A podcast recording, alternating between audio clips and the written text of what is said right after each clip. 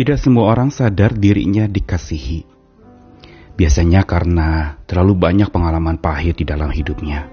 Ada luka, ada duka, ada kesulitan, kegagalan di dalam hubungan kasih mengasihi. Dan karena tidak sadar dirinya dikasihi, maka dia juga menjadi tidak mampu untuk mengasihi orang lain.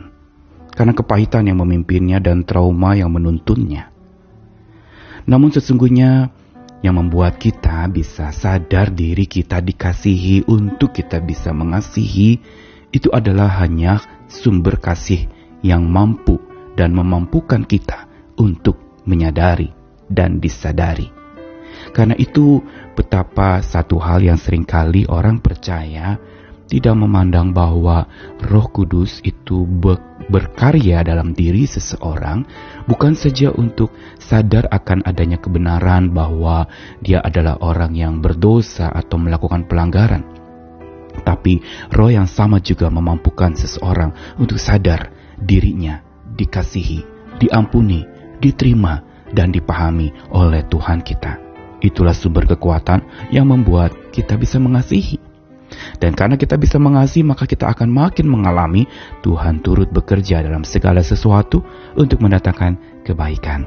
Marilah kita belajar dan memberi diri supaya kita sadar diri kita dikasihi oleh Tuhan. Saya Nikolas Kurniawan kembali menemani di dalam Sabda Tuhan hari ini masih di dalam rangkaian penggalian Roma 8 ayat 28 Hari ini kita akan bersama-sama melihat bagaimana bahwa Tuhan kita adalah Tuhan yang turut bekerja dalam segala sesuatu tetapi tidak secara otomatis. Itu dialami oleh orang percaya. Ayat ini sudah sering kita bacakan dan kemarin kita juga sudah bacakan bahwa Allah turut bekerja dalam segala sesuatu untuk mendatangkan kebaikan, yaitu bagi mereka yang percaya dan yang mengasihi Dia. Perhatikan bahwa ini ditujukan atau pengalaman Allah yang menyatakan kebaikan lewat segala hal yang kita alami itu adalah karena kita mengasihi Dia. Dan pertanyaan lanjut lagi, apa yang menyebabkan kita bisa mengasihi Dia? Sekali lagi bukan kekuatan kita. Kita begitu rapuh dan cinta kasih kita begitu rentan. Kita tidak mampu mengasihi tanpa kekuatan cinta kasih Tuhan memenuhi hati kita. Namun bagaimana kekuatan cinta kasih Tuhan itu memenuhi hati kita dan kita sadari bahwa dia memenuhi hati kita oleh roh kudusnya. Sebagaimana Roma 8 yang berbicara tentang hidup yang dipimpin oleh roh Allah, maka roh Allah itu menyadarkan seseorang bahwa dia dikasihi begitu rupa oleh Tuhan. Dan ini yang menjadi pemompa yang kuat sekali, penggerak yang dahsyat sekali, menyebabkan dia tidak bisa tidak, dia akan mengasihi. Karena apa? Karena dia disadarkan oleh roh Allah bahwa dia dikasihi oleh Tuhan. Sebagai orang percaya, kita tahu Allah maha kasih.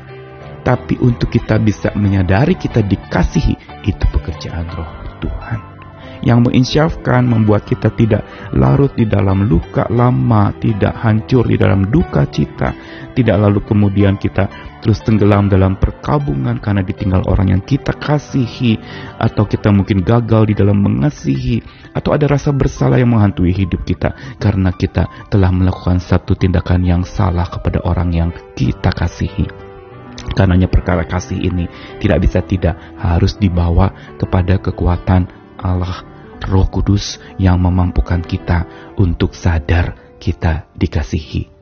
Karena hanya oleh rohnya lah orang percaya kepada Tuhan itu akan sadar dirinya dikasihi sekaligus roh yang sama memampukan dia untuk bersandar kepada kekuatan roh Allah untuk mengasihi.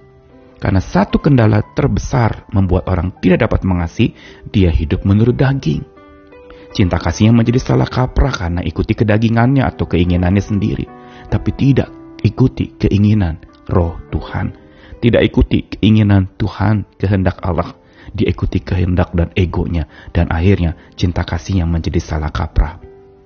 Padahal sebenarnya, kalau kekuatan roh Allah memenuhi hati kita, kita akan mampu untuk mengasihi selama kita bersandar kepada kekuatan itu.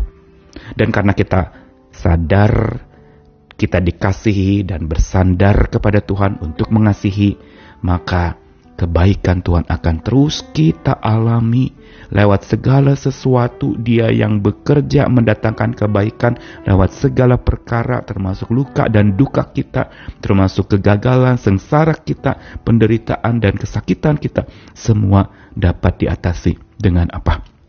Dengan dia yang turut bekerja. Karya kebaikannya tidak akan pernah berhenti dialami oleh orang-orang yang sungguh bersandarkan roh Tuhan untuk mengasihi dan menyadarkan dirinya bahwa dia dikasihi oleh Tuhan.